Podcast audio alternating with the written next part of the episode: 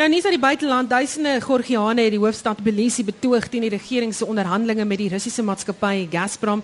Die inwoners het 'n 7 km lange menslike ketting gevorm met plakate oral wat gelees het "No to Gazprom".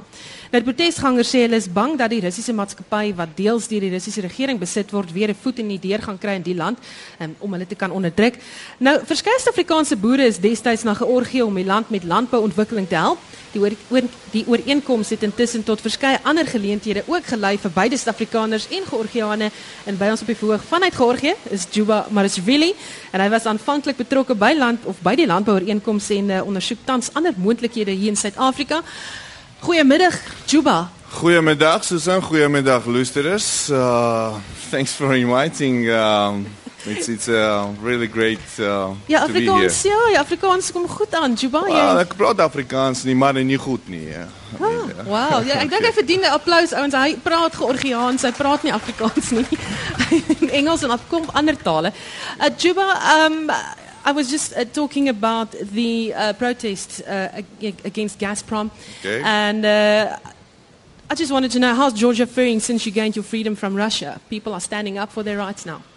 Well, uh, actually, first of all, I'm so it's it's been a long time I haven't been in my country. I'm more than like almost two weeks. I'm enjoying my visit in South Africa in Cape Town and Cape Province, and um, well, uh, of course, uh, I'll try not to make any kind of political political estimations, but for me as a citizen of Georgia, from my kind of point of view. Well, uh, you know, we have uh, difficulties with Russia. Uh, we have territorial disputes, but despite of all, uh, we try to keep some kind of economic cooperation as long as it's an important neighbor. Uh, well, people have uh, have different kind of uh, opinions regarding the Georgian-Russian relationship. That's why they care about the energy security of Georgia, uh, and you know uh, that's why it concerns them than to be dependent on uh, Russian kind of gas. But I think I think it's a it's more economic issue than rather than political.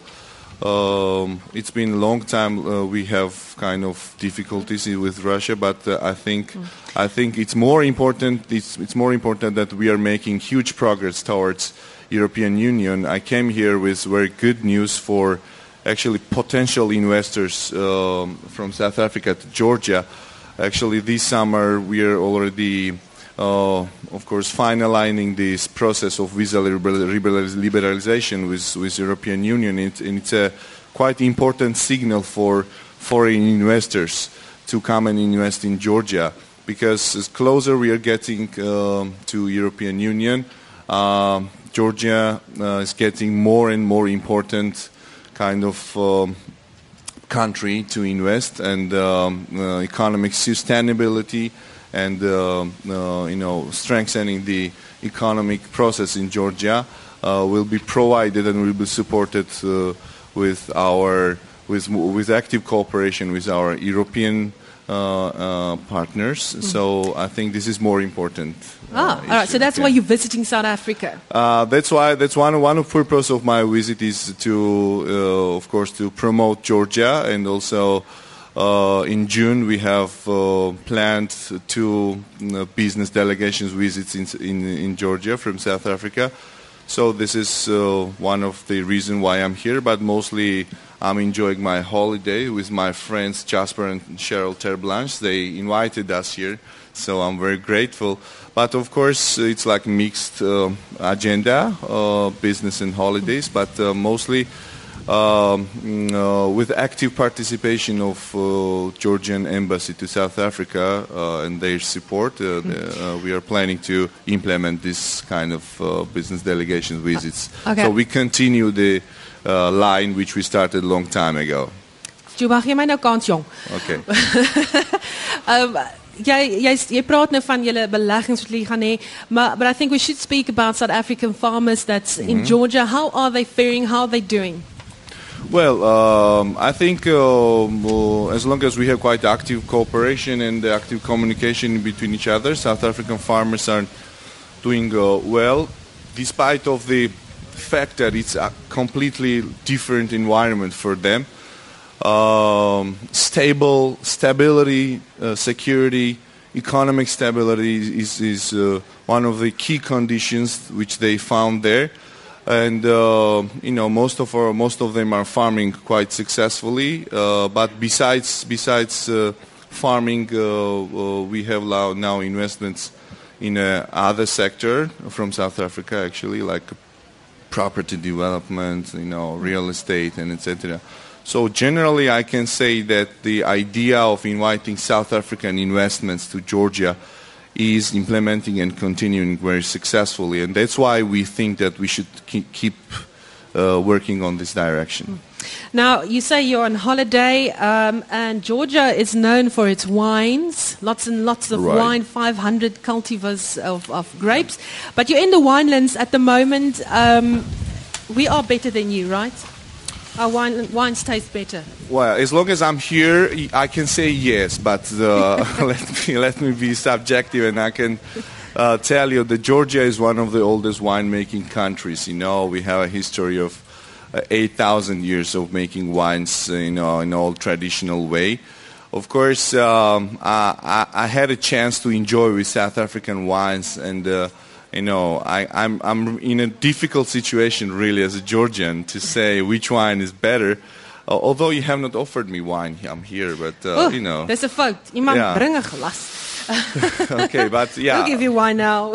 yeah. we'll, we'll Actually, it's it's coming season now in September and October. We have uh, grape harvest, grapes harvesting, and so the people uh, sitting here, they are you are more than welcome to visit Georgia and enjoy mm-hmm. this uh, amazing kind of country and the amazing period. You've been in Georgia and you know Georgia.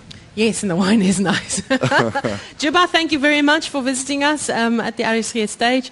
Um, hy jy's direk daar van Georgië af en uh, dit was die stem van Juba Marashvili. Maar maar ek moes ek weet ek het gesê ek gaan nie, but Juba, you can also sing. You can sing an Afrikaans song. It's very near and dear to everybody's heart. Uh, miskien kan jy vir ons sê in Afrikaans. Maybe just tell us what song is that? Maybe sing the first line. Well, you know, uh, for me uh, generally, I mean singing singing in Afrikaans nice. I mean, I like a lot of African songs, songs, especially moderns uh, or old ones. I'm not, uh, as far as I know, uh, we are not planning to sing now, but uh, uh, as, as, it was agreed.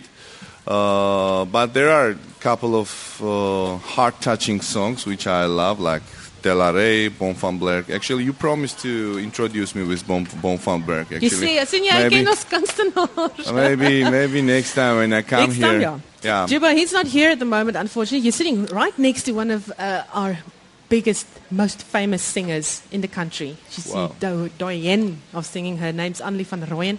And uh, so you are actually in greatness. wow. That's privilege. Thank maar ek gaan vir jou nou groet. En dit was Juba Marashvili van Georgië en uh, hy het vir ons uh, kom kuier reguit uit Georgië met sy uh, gebroke Afrikaans maar, maar dit kom mooi aan. Ons leer jou mooi. Thanks for having me here. Uh, thanks all to all. Tot ziens. Baie dankie.